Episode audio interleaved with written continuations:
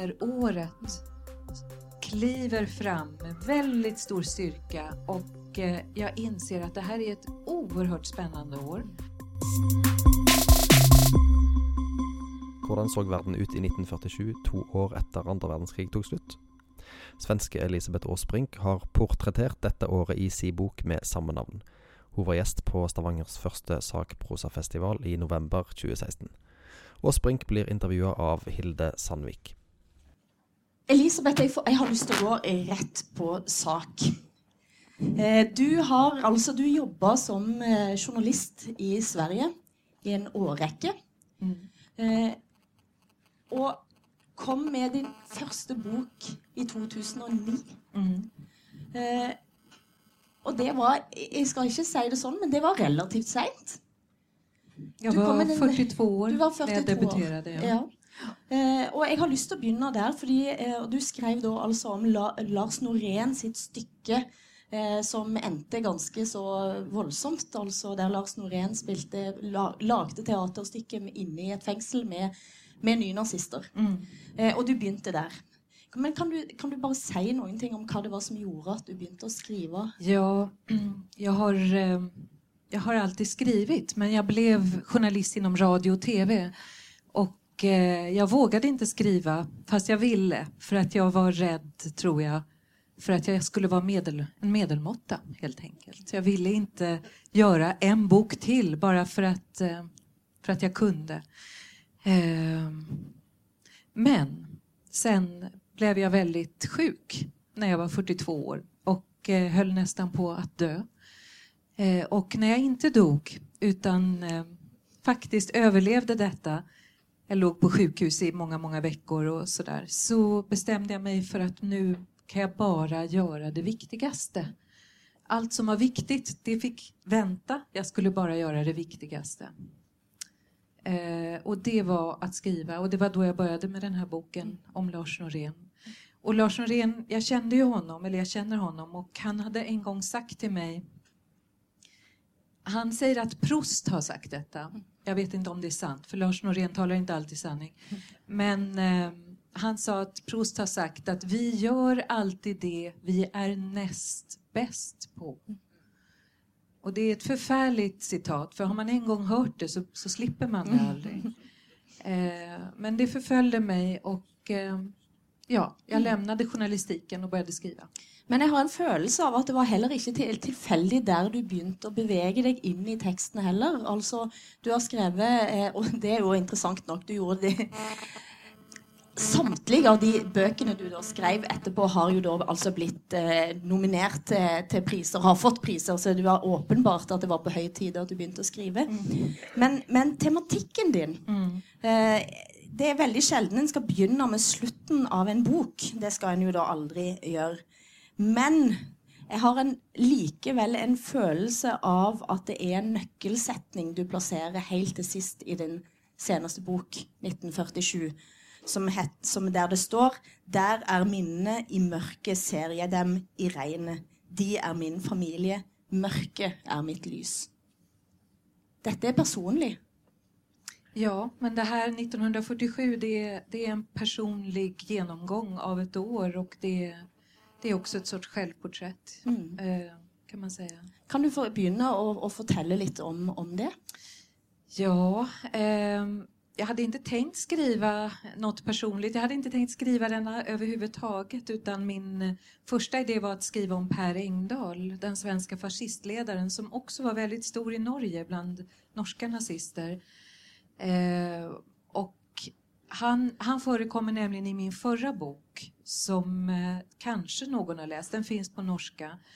Som heter? Den, ja, den är en så lång titel att jag aldrig husker. Nej, men och i Wienerwald står träden kvar, heter den på svenska. Men det är ju en, en sann historia om en judisk flyktingpojke som skickas till Sverige. Och, eh, för jag fick breven som hans föräldrar skrev till honom från Wien. Och jag följer dem och jag följer pojken som kommer till Sverige och i Sverige så blir han faktiskt vän han blir dräng, säger man det på norska? Mm. Eh, han blir dräng på en gård som ägs av familjen Kamprad. Mm. Och han blir vän med Ingvar Kamprad som sen grundar Ikea.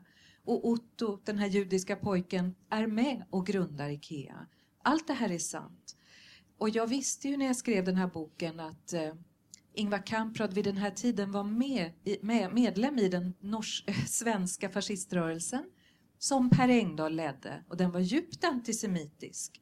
Så det finns en väldigt märklig eh, krock med att Ingvar Kamprad är med i denna naziströrelse och fasciströrelse och han älskar sin judiske vän, vilket han säger till mig. Jag intervjuade honom. Anyway, så Per Engdahl har följt med mig länge och jag ville bestämde mig för att skriva en biografi om honom därför att jag visste att han var stor före kriget, han var stor under kriget men han var faktiskt riktigt stor efter kriget. Och det som fick mig på spåren det var en uppgift om att Per Engdahl 1947 skulle ha rest till Köpenhamn för att starta ett danskt nazistparti. Och det är ju en helt otrolig uppgift att två år efter krigets slut åka till Danmark och starta ett nazistparti. Den här uppgiften fick jag från en bok av Stig Larsson. Ni vet, han som har skrivit om Lisbeth Salander och Micke Blomqvist. Han, han var väldigt noggrann. Han brukar ha rätt, men det fanns ingen källa. Så jag visste inte om det här var sant. Och jag började leta i danska arkiv, pratade med forskare, jag letade i svenska arkiv. Jag hittade inte riktigt eh, bekräftelse. Och det är då jag bestämmer mig för att läsa två stora danska tidningar, aviser, mm. från 1947 för att jag ville se om jag kunde hitta Per Engdahl. Så jag börjar läsa dem från dag 1 till dag 365. Och det är då det här året mm. Kliver fram med väldigt stor styrka och eh, jag inser att det här är ett oerhört spännande år. Mm. Så jag väljer att skriva om året och Per Engdahl blir en av väldigt många trådar mm. som jag följer. Ja, for I løpet av eh, dette året, altså 1947, to år etter krigen Det er mange sår. Eh, du citerer Nelly Sachs, eh, poeten, som skriver at vi var så fulle av sår at vi trodde vi skulle dø hvis vi fikk kastet et ord etter oss på gaten. Det er et såra år du skriver om. Eh, det er Nürnberg-prosesser, men det er òg et år der eh, Simone de Beauvoir reiser til USA. Det er et år der Billie Holiday eh, er på vei opp. Christian Dior. Og alle disse personene fletter du sammen med Hassan al-Banna, som startet Det muslimske brorskap. Mm. Og Per Engdahl. Og per Engdahl. Eh, og bevegelsene sånn inn og ut. Hvor, hvor reiste de nazistiske flyktningene som òg var på flukt sånn, til Argentina gjennom Sverige? Men eh, hvordan har du valgt Dette er jo ingen det, det er jo ikke, Du er ingen historiker. Nei, og hvordan har, du valgt, eh, hvor, hvor, hvordan har du valgt å la dette året fremtre? Ja, eh, jag är ingen historiker. Jag arbetar som en historiker. Jag arbetar som en grävande journalist, det har jag varit i många år. Och vi har samma metoder, vi går till källorna så långt vi kan. Vi eh, får flera källor att bekräfta uppgifterna om de går för att eh, man vill vara säker på att det som sägs, det som påstås är korrekt. Och jag har också angivit källorna väldigt noggrant. Men jag, jag är inte historiker och därför behöver jag inte skriva som en historiker. Och jag behöver heller inte redovisa allt, utan jag har gjort, som du säger, ett, ett urval. Och det urvalet har handlat om två saker. Dels det, de människor som har sått frön som vi fortfarande skördar. Det är ett urval, att de så att säga har spelat stor roll för sin tid och fortfarande spelar stor roll för vår tid. Och där kommer Hassan al-Banna och Per Engdahl in. Alla, de båda grundlägger mörker som vi fortfarande brottas med. Där kommer Simone de Beauvoir in också. Eh, men... Och Roosevelt, Eleanor Roosevelt. Och Eleanor Roosevelt, mm. precis. Mm. Här finns både hopp, hoppfulla stråk som börjar det här året och mörka stråk. Men jag har ju också valt de här personerna Eh, och Rafael Lemkin är en väldigt mm. viktig person som jag följer därför att de, de berör mig. Mm. Men de är alla oerhört känsliga för sin samtid. oerhört. Thelonious Monk är med mm. och deras tidskänsla uttrycks i deras arbeten. Klockan går igen. Klockan går igen, men det är, ja, mm. det är, jag, ska, eh, jag ska ha lite roligt också när jag skriver. Ja, och det är ju en poetisk historia detta, men i, i, och nu håller vi oss på ett historiskt överordnat nivå, men strängt tatt, och tillbaka till ditt mörker, så är detta din historia.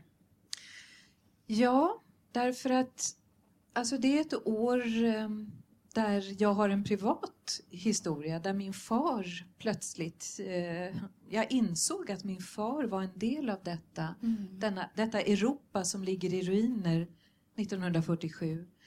Han var tio år. Eh, han var tio år mm. och eh, jag var inte säker på var han befann sig men jag började fråga och jag började göra research och det visade sig att han var i ett läger i den amerikanska zonen av Tyskland. Ett FN-drivet läger för barn vars föräldrar hade mördats av nazisterna. Jöder? Ja, judiska barn. Men alltså de, massor av barn drev omkring i Europa. Europa var ju fullt av flyktingar eh, som inte kunde återvända hem eller ville återvända hem. De ville till Storbritannien och USA men Storbritannien och USA ville inte ha dem. Och, eh, och som sagt massor av föräldralösa barn därför att föräldrarna hade mördats av nazisterna. Så där var han i ett läger i Tyskland och han var tio år och han var glad. Han tyckte om det här lägret. Eh, det var fina vänner, det var fina ledare. Det kom amerikanska soldater i jeepar som man inte startade med en nyckel utan mm. med en knapp. Eh, allt det där var intressant. Mm. Och meningen var, de blev, de blev uppfostrade i socialistisk, sekulär, sionistisk ideologi för att bygga ett nytt land i Palestina. Det var hela syftet med det här. Men han var lite annorlunda, min pappa, därför att han hade sin mor i livet. Eh, min farmor och han hade överlevt nätt och jämnt i Budapest mm. i Ungern. Och när han har varit där ett år så, eh, så kommer plötsligt min mm. farmor dit. Och det, det är vad som sker det här året. Och hon säger att hon vill inte längre utvandra till Palestina som var planen utan hon vill bo kvar i Budapest. Och nu får han, tio år gammal, välja själv om han vill följa med barnen till Palestina eller om han vill följa med henne tillbaka. Och hon har med sig eh, två ungerska korvar i, eh, säger man korv på? Mm, ja. Pölse. Pölse, ja. Jag vet inte om ni har smakat ungersk pölse, men den är fantastiskt god. Väldigt fet. Och de får en viss betydelse för hur min far väljer. Mm. Mm. Och din far väljer att resa tillbaka till Budapest och har eh, eh, Du skriver ett sted, och det är där jag har lust att på en måte borra lite för vi går vidare ut i historien igen. Eh, du skriver att han alltid har älskat Anselm Kiefer eh, konstverk. Sine altså, grått og brunt. Og det jeg tenkte på da, var hans store verk som faktisk står i Oslo, 'Exodus', som er dette store bokhyllen i bly, eh, med historien fortalt eh, på tungt vis. Eh, og må, e-, en av de referansene jeg fikk inn i mitt hode når jeg leste din bok, var Daniel Mendelssohn sin fantastiske 'Lost'. Eh, som er jødisk-amerikansk, men som reiser tilbake og igjen sporer opp hvor hans familie ble tapt. Gikk, altså en, en gren av hans familie forsvant eh, under krigen i Ukraina. Försvann? Mördades? Ja, de ble, ja, alltså, de ble ja. myrda. De ble, men det, poenget de hadde for hans sporing ja. var når skjedde dette drapet. Ja. Men det, det, er noe der som eh, gjorde inntrykk på meg når han skriver om Lots hustru. Som vi, altså alle som har gått på bedehuset i Rogaland, vet at Lots hustru snudde seg og ble til en saltstøtte. Mens Daniel Mendelssohn åpner opp det bildet, og så sier han at eh, det handler òg om å snu seg tilbake i historien og bli stående der oppløst i gråt og ikke komme videre. Eh, og det mørke du skriver om her Og jeg har sett at du har sagt att at du på en måte kom ut som jøde først altså med jødisk bakgrunn mm. først etter din andre bok. Mm. Eh, kan, du, kan, du, si noe om det? Ja, alltså det är väldigt det är komplext, men i, om man ska förenkla det lite eh, så är det så att min far han, han återvände till Budapest och, Bud och Ungern blev en kommunistisk diktatur. Och när det finns ett litet, litet fönster 1956 så flyr han. Då är han 20 år. Då flyr han och kommer till Sverige. Och han börjar från början. Han lär sig svenska. Han, blir, han studerar medicin och han blir läkare. Och sen arbetar han som läkare i hela sitt liv. Och han är fullt upptagen med att bygga ett liv, skapa en framtid. Eh, och det, det är så att säga den starkaste revolten mot att de ville mörda honom. Det är att skapa ett liv. Eh, så det är vad han har varit upptagen med, både som förintelseöverlevare och som flykting. Och så kommer jag, jag är hans enda barn, och tittar, ägnar mitt arbete och mitt liv delvis åt att se bakåt. Så vi står i en sorts symbios, min far och jag. Han tittar framåt och jag tittar bakåt. Och jag tror att det här är det här är vanligt i familjer där man bär en, en ett trauma. Eh, och där, jag tror att det är vanligt i många av de flyktingfamiljer som vi möter nu. Att föräldrarna som har lyckats ta sig ut för sina barns skull, de är upptagna av att skapa ett liv och sen kommer nästa generation och tar hand om allt det där som också finns. Sorgen, smärtan. Det här är ju en sorts det här spåret som handlar om min far, det är ju en sorts eh, minnesplats jag har byggt i ord över min farfar. Eh, min farfar som var en ung man när han mördades. Och eh, så på det viset, hans kropp är borta så det finns ingen grav. Men, men nu har vi, min far och jag har, en, har den här boken som mm. minnesplats mm. nu för honom. Du sa att du bär med dig förintelsen. Ja, alltså jag tror att många barn i familjer där det finns trauman bär med sig traumat även om man inte själv har upplevt det. Jag har aldrig blivit förföljd. Jag har aldrig behövt fly. Jag har aldrig riskerat att bli mördad. Men jag bär allt det där i mig väldigt starkt. Och det, jag tror att trauman av det, det slaget, det gäller finska krigsbarn, det gäller norska krigserfarenhet, allt det går ner i generationerna även om man inte talar om det. Särskilt om man inte talar om det kanske. Mm. Så det här är något eh, i, i, en familje, en sorts mänsklig handling mm. att man bär det vidare som en, sina föräldrar har varit med om. Men sen finns det ju de som säger att det är farligt att fastna i, i Holocaust eh, och att, det att man inte får bara titta bakåt. Men en del av vad den här boken handlar om det är just de Nürnbergrättegångar som pågår 1947. Vi, vi snackar ju ofta om en Nürnbergrättegång mm. men det var 13 mm. stora. Eh, och där är det så tydligt och det är det jag skildrar att eh, segermakterna, alltså Sovjet, USA, Storbritannien och Frankrike, de är ju åklagare och de ställer nazisterna inför rätta. Men de har olika politiska agendor när de väcker åtal och när de formulerar sina brott. Och det gör att vissa skeenden i det vi kallar förintelsen blir belysta men andra blir faktiskt helt bortglömda. Eh, romernas öde, de homosexuellas öde, och faktum är att judarnas öde inte heller tas upp särskilt mycket under Nürnbergrättegångarna därför att eh, man fokuserar på andra saker. Allt det här skildrar jag en hel del och det betyder att man bygger in en glömska redan där. Och det är därför vi också fortfarande arbetar med mm. förintelsen. Det, vi är inte klara än. Så det är inte av nostalgi eller andra skäl som man tittar tillbaka. Vi är helt enkelt inte klara. Mm.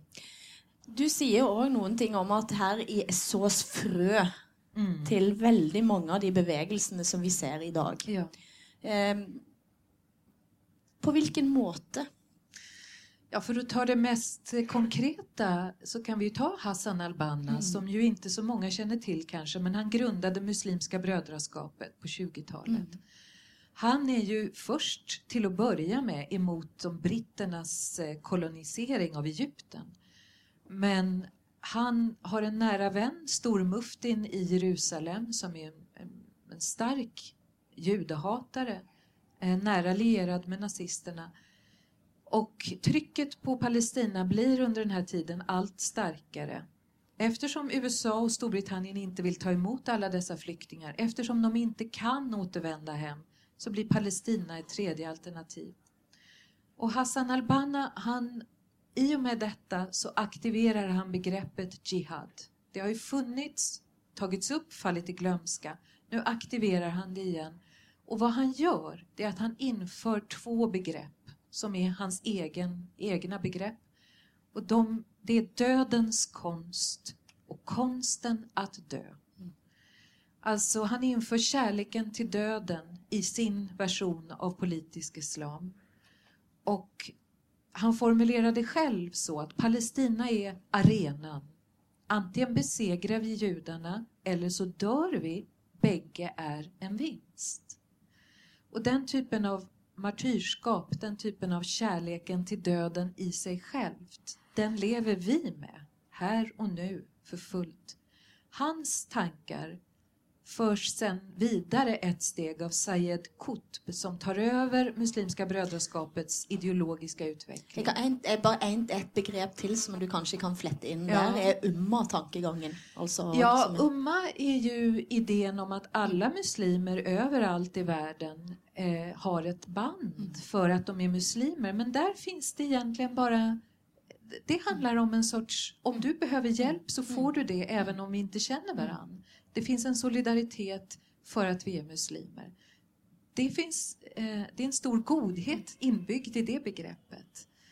Eh, det, men Hassan al-Banna för det via... via ja, ja, men det är just jihad som mm. han aktiverar och det är de här två kärleken till döden mm. som är hans stora bidrag.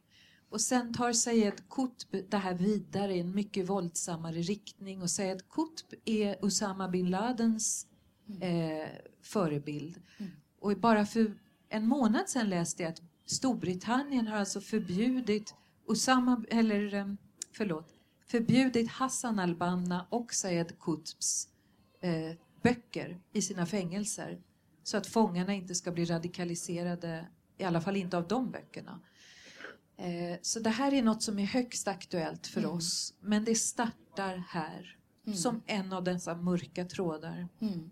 Och sen har vi Per Engdahl som är en annan tråd som jag följer. För vad han gör efter kriget, det är flera saker. Men framförallt så kontaktar han nazister och fascister över hela Europa eh, för att bilda ett nätverk.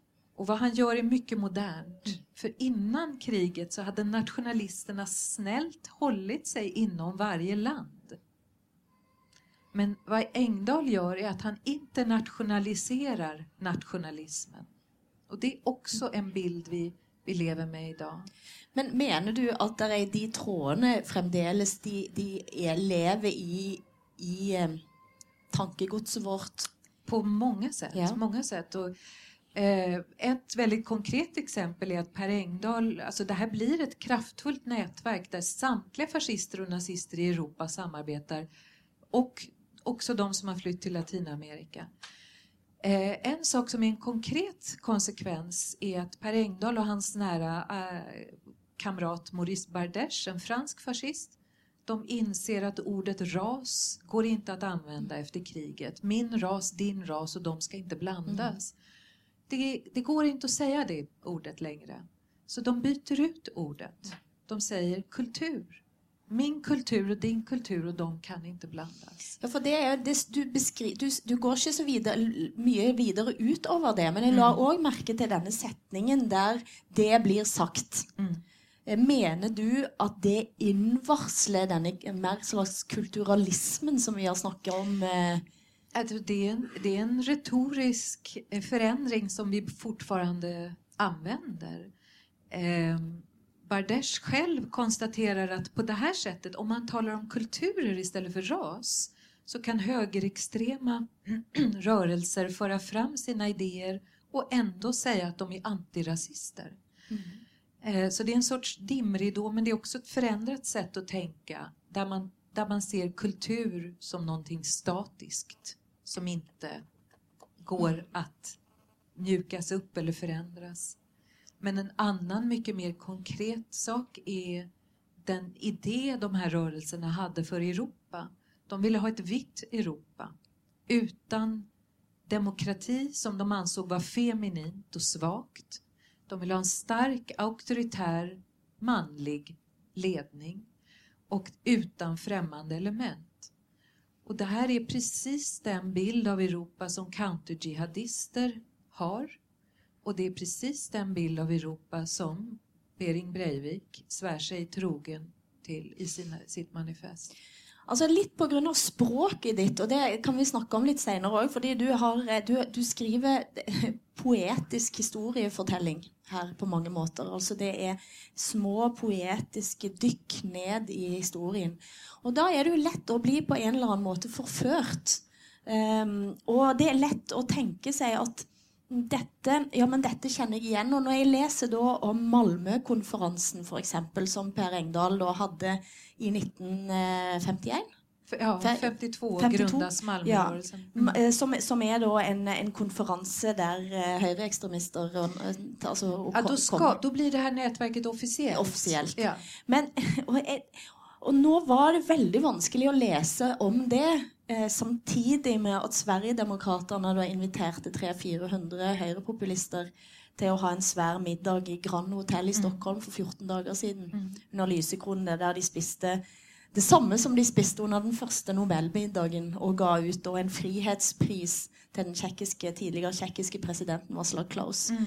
Samtidig så er jeg redd når jeg leser, når jeg leser dette, og så begynner jeg å tenke hm, Er det det de holder på med? Det er den Kent Ekeroth denne, Nå så jeg at han har fått forlate sin post. I, ja, altså, men, men mm. mm. fordi at språket er så åpent, så lurer jeg på om det er lett å la seg på en måte bare forføre inn i sånne analogier. Nej, nej det, det tror jag, alltså faktum är att tyvärr är ju de här parallellerna korrekta. Kent Ekeroth var ju med och grundade counterjihadismen i Europa. Eh, så han är, han är en direkt eh, vidareförmedlare av dessa idéer. Och det här med att de möttes i Grand Hotel, ja det är egentligen bara en modell som Per Engdahl satte upp just med att han internationaliserar de nationella ja. rörelserna. Och för övrigt var en av hans närmsta män med och grundade Bevara Sverige svenskt som sen blev eh, till, till Sverigedemokraterna. Så att de har sina ideologiska rötter hos Per Engdahl och han är en sorts kultfigur i högerextrema kretsar. Den här rörelsen, Malmörörelsen, den delar på sig efter några år och de som är mest våldsamma går åt ett håll. Det är schweiziska nazister och en del andra. De lägger grunden till det vi idag har kallat vit maktrörelsen. Medan den andra delen, som Per Engdahl leder, det blir den högerpopulistiska rörelse som vi ser i Europa och som rör sig inom de, de demokratiska spelreglerna. Men ideologiskt finns det ett arv. Och det att jag skriver poetiskt har... Eh, det är, hoppas jag inte blir att man blir misstänksam mot det jag skriver. Mm. Därför att jag använder ett språk för att jag tror att poesi... Eh, eller poesi, det är inte poesi, men det är, det är ett annat språk. Jag tror att det når längre mm. in. Jag tror att man förstår på ett annat sätt Eh. Men hvis en skal holde seg det, det for ja. Kent Ekeroth ja. eh, som jo Nå forsto jeg at i går måtte han forlate sin post i Justisdepartementet. Han har Faktisk. tatt en time-out. Han har tatt en time-out.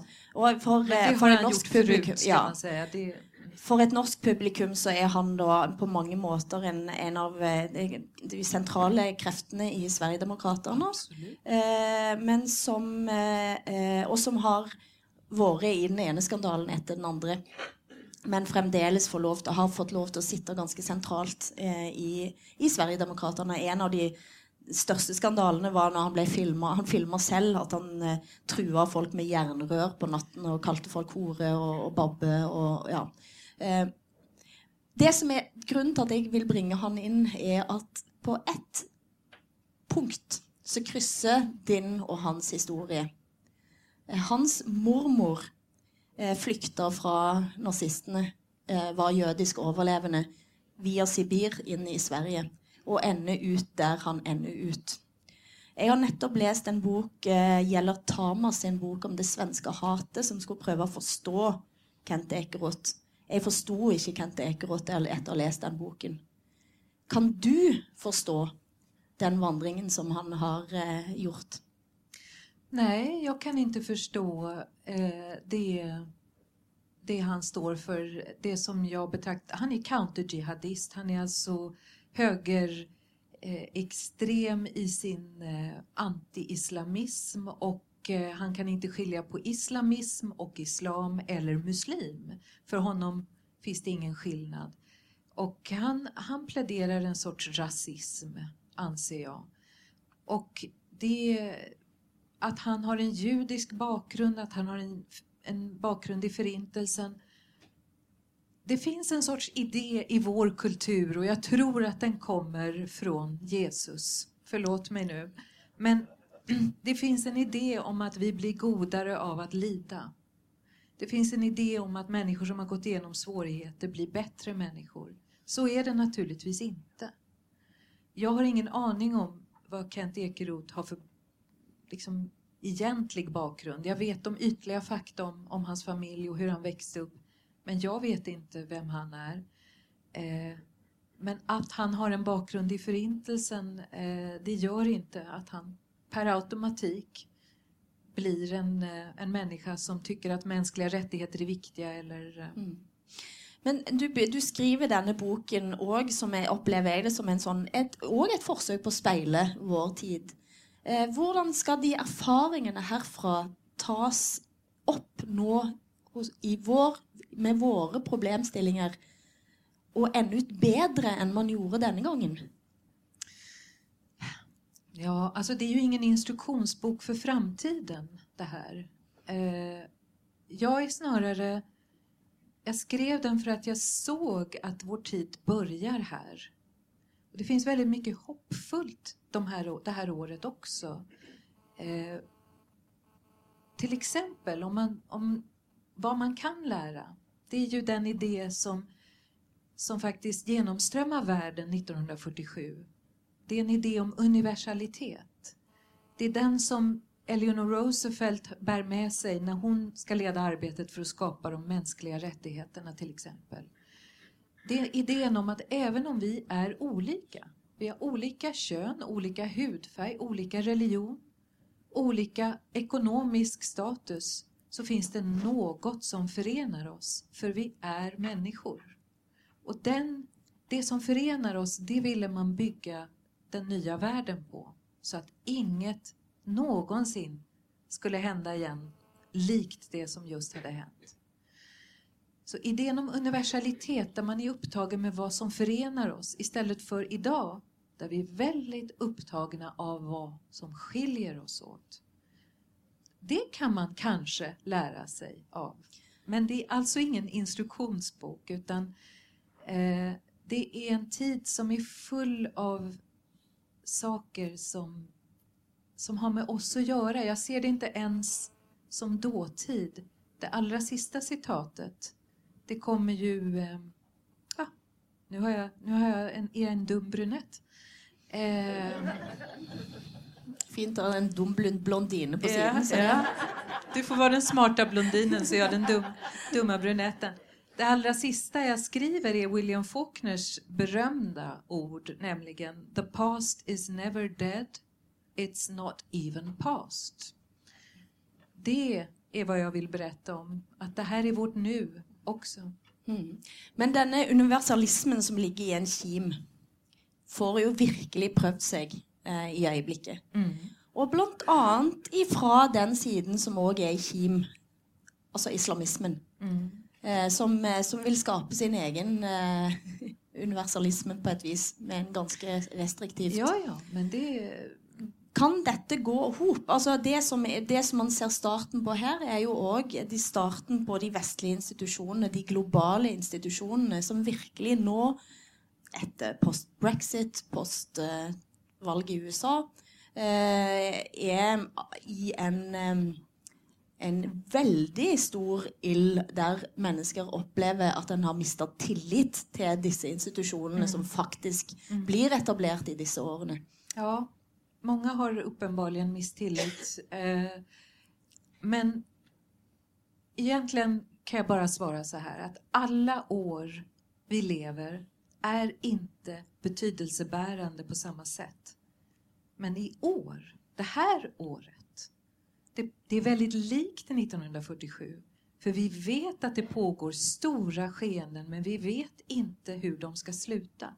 Det är precis det som kännetecknar det här året, 47. Och om 25 år så kommer man att behöva skriva en bok om 2016. Därför att det som händer nu, det kommer att påverka oss under en lång tid, men vi vet inte riktigt hur. Eh, om, om vi har otur så tar det slut som började 47, men mm. det tror inte jag. Jag tror att vi har vi är väldigt fulla av en undergångskänsla nu som är överdriven. Och man talar om att vi skulle vara tillbaka i 30-talet. Det är vi inte. Mm. På vilken måte?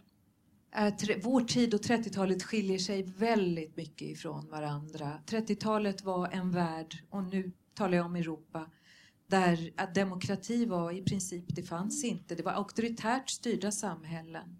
Det fanns väldigt lite skydd för minoriteter, nästan inget. Om en, om en nation ville ta död eller misshandla sin, min, sin minoritet, som Tyskland började med, då var det den nationens inre angelägenhet. Så ser det inte längre ut. Minoriteter har ett mycket bättre skydd. Individer har ett mycket bättre skydd, delvis tack vare de mänskliga rättigheterna som skapades. Eh, det finns oändligt antal stora skillnader mellan 30-talet och nu så att om vi fastnar i det, då får vi problem. För då, då, då ser vi inte våra problem här, då ser vi 30-talets problem. Men vi har andra problem, de måste vi vara tydliga med. Men, men det är inte 30-talet igen. Och vi står inte inför ett nytt världskrig. Vi måste vara försiktiga med vår demokrati. Den behöver oss. Den klarar sig inte ensam. Men, men det är någonting helt annat. Jag har lust til bare, Når vi nærmer oss ja, slutten, så har jag lust til å snakke om eh, Simone de Beauvoir. Ja, tack, vad bra. Eh, det är ju en helt nydelig, men också ganska litt sånn trist kärlekshistoria. Ja, på en måte, men det är ju fantastisk kärlek. Ja. Men jag, jag, vill ju bara helst att de ska få varandra på slutet. Ja, ja. Eh, det syns jag ju är det bästa det med kärlek. inte fiction. Nej, eh, dessvärre. Nej, men hon, jag kan snacka, säga lite kort om ja, vad som händer med henne. Nej, hon, Simone de Beauvoir är 39 år det här året och hon får en fråga om att föreläsa i Chicago. Så hon stiger upp i ett flygplan för första gången i sitt liv och korsar Atlanten. Och så har någon sagt till henne, om du passerar Chicago, hälsa på Nelson Ahlgren. Är det någon som känner till Nelson Ahlgren? Nej, det brukar inte vara det. Men jag lovar att ni alla har hört honom indirekt. Därför att ni har alla hört Lou Reeds A Walk on the Wild Side. Och den skrev Lou Reed när han hade läst Nelson Ahlgrens A Walk on the Wild Side. En bok om eh, narkomaner och prostituerade och hemlösa. Och, och Bourbon. Ja. Så Nelson Ahlgren är författare, Simon hälsar på och de blir omedelbart väldigt, väldigt förälskade i varandra och inleder en transatlantisk passion. Eh, och, Nydlig kärleksbrev. Ja, och hon, hon, skriver till honom på engelska och hennes engelska är inte så bra så är, det blir lite barnsligt och det blir lite rörande. Och de måste hantera allt som man måste hantera i en passion. Särskilt när en bor i Chicago och den andra i Paris. Som, vad gör man med, kan man, kan man lägga, ligga med någon annan? Och är det en gåva att säga att du får ligga med någon annan om du vill? Eller är det en gåva att säga ja, jag ville men jag lät bli? Allt det här måste de ta hand om. Och Simone de Beauvoir är väldigt hängiven i denna passion. Och det är väldigt vackert att se att hon vågar vara maktlös. För det är det man är i en passion. Det är ju någon annan som har makt över om jag är lycklig eller olycklig. Och det, det är vackra brev. Men det spännande är att de är författare och de läser och de diskuterar. Och han läser en bok om eh, svartas underordning i USA. En bok av Gunnar Myrdal. Och de diskuterar det här. Och när de träffas i Chicago då är de inte som riktigt som alla andra par för att då går de till stadsfängelset och bevittnar en avrättning. För de, de, det tycker de är intressant. Eh, men i alla fall, de diskuterar denna bok och det ger Simone de Beauvoir impulsen att börja med sin idé hon har burit, nämligen att analysera kvinnors underordning i världen. Så det här är året när hon börjar skriva Det andra könet. Och det är en väldigt vacker båge. Från att vara, våga mm. vara maktlös mm. och använda sitt intellekt för att analysera maktlösheten och strukturerna. Så Simone de Beauvoir ger oss någonting väldigt stort och rikt där. Mm. Hun har òg der vært i Sverige, og nå skal jeg bare se litt på klokken, men vi iallfall sørge for at vi kommer, kommer, kommer oss videre. Ja. Men hun blant har vært i Sverige da, og sier at svensker er jo så kjedelige at de, ja. de morer seg med å kjede andre, og det kan jeg ikke si at du gjør nå. Hon var en brutal kvinna.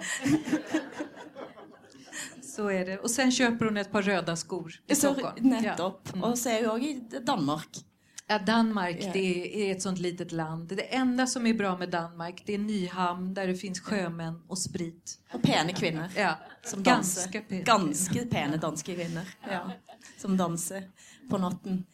Men du har nu på en måte beveget dig när Du är nu kommer ganska tätt på din egen fortelling ja. Eh, med, med denna boken. Eh, och, och det är en rørende og sterk historie du skriver om dette brevet som din far altså legger i en banksafe mm. eh, når du er ti år, mm. eh, i 1974. Mm. Og, skriver, og som er speil altså det, er som, altså det er på en måte 47 speilvendt. Mm. Men har, han lever jo ennå. Min far lever, ja. Og du fikk lese brevet. Ja, jag, jag, visste inte att han hade skrivit det här brevet men jag fick det för två år sedan eh, och jag la det bara i en låda. Och så fann jag det nu när jag gjorde research och, och så såg jag ju att han skrev det till mig när jag var tio men han kunde lika gärna ha skrivit det till sig själv när han var tio. Eh, och det, det är ett kort brev. Han skrev det därför att han skulle göra en lång resa och han ville om han skulle dö på den här resan så skulle jag få brevet. Men han dog inte, så jag fick inte brevet. Men där står det egentligen hur mycket han älskar mig och så avslutas allt med en enda mening. Mm. Som jag då inte är riktigt säker på hur man säger på norska. Jo, men du kan säga jag det på kan svenska. säga den på svenska, ja. men den enda meningen är Tyck aldrig synd om dig själv. Mm. Och eh, det hade, jag har ju alltid vetat att det var hans sätt att se på livet och det är också något jag har tagit över. Så, eh, ja. Hur kommer du vidare härifrån?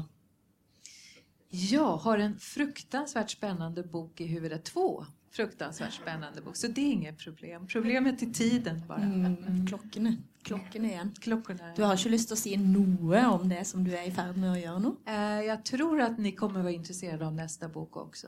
Oh, detta är typiskt Sorry. svenskar. De är väldigt goda att sälja i motsättning till, till norrmän.